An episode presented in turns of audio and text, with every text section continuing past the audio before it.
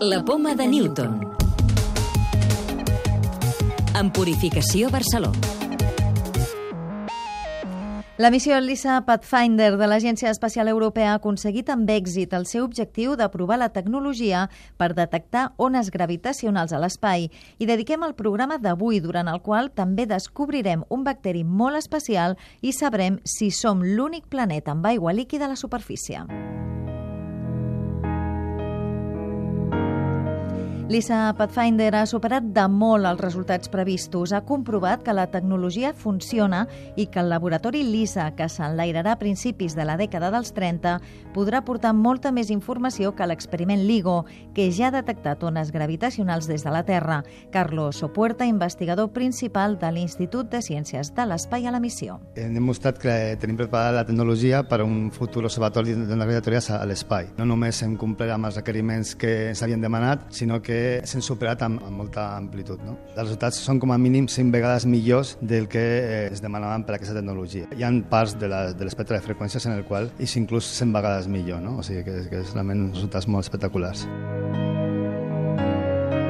no hi ha pertorbacions més grans que el pes d'un bacteri o sigui, sobre aquestes masses. I això vol dir que si amb aquesta tecnologia passés una, una navigatòria, el sistema làser detectaria el canvi de distància tan petit que produeixen aquestes zones.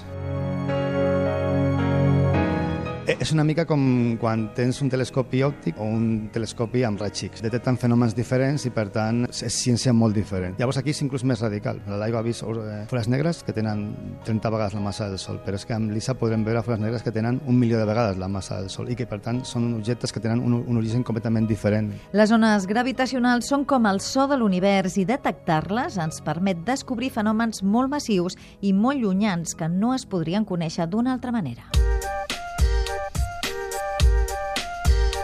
També destaquem que investigadors de la Universitat Autònoma de Barcelona aconsegueixen per primera vegada a Europa cultivar un bacteri que descontamina l'aigua. Viu a la desembocadura del riu Besòs i té la propietat de convertir elements contaminants en altres que no són perjudicials per al medi ambient.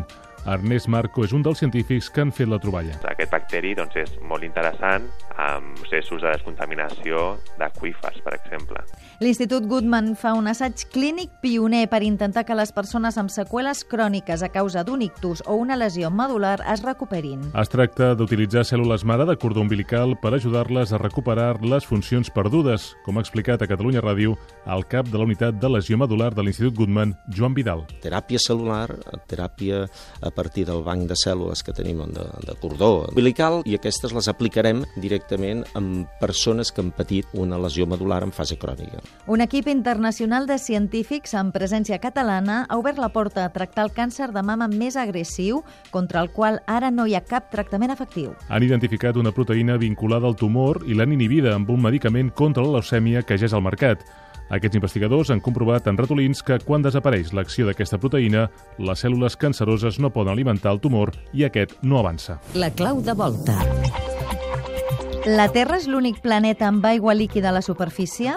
Jordi Eloi, de l'àrea de Ciència i Medi Ambient de l'Obra Social La Caixa. Doncs que nosaltres coneixem, sí. O sigui, la Terra és l'únic planeta que presenta una quantitat important d'aigua líquida a la seva superfície. Però en el nostre sistema solar hi ha altres astres que també tenen aigua líquida satèl·lits de Júpiter, com ara Europa i Ganimedes, o satèl·lits de Saturn, com ara Titan, que sabem que han de tenir oceans d'aigua líquida coberts per una escorça de gel i, de fet, en aquests satèl·lits podria haver més aigua líquida que no pas la que tenim a la Terra. De totes maneres, no està a la superfície d'aquests astres, sinó que podríem dir que són oceans subterranis.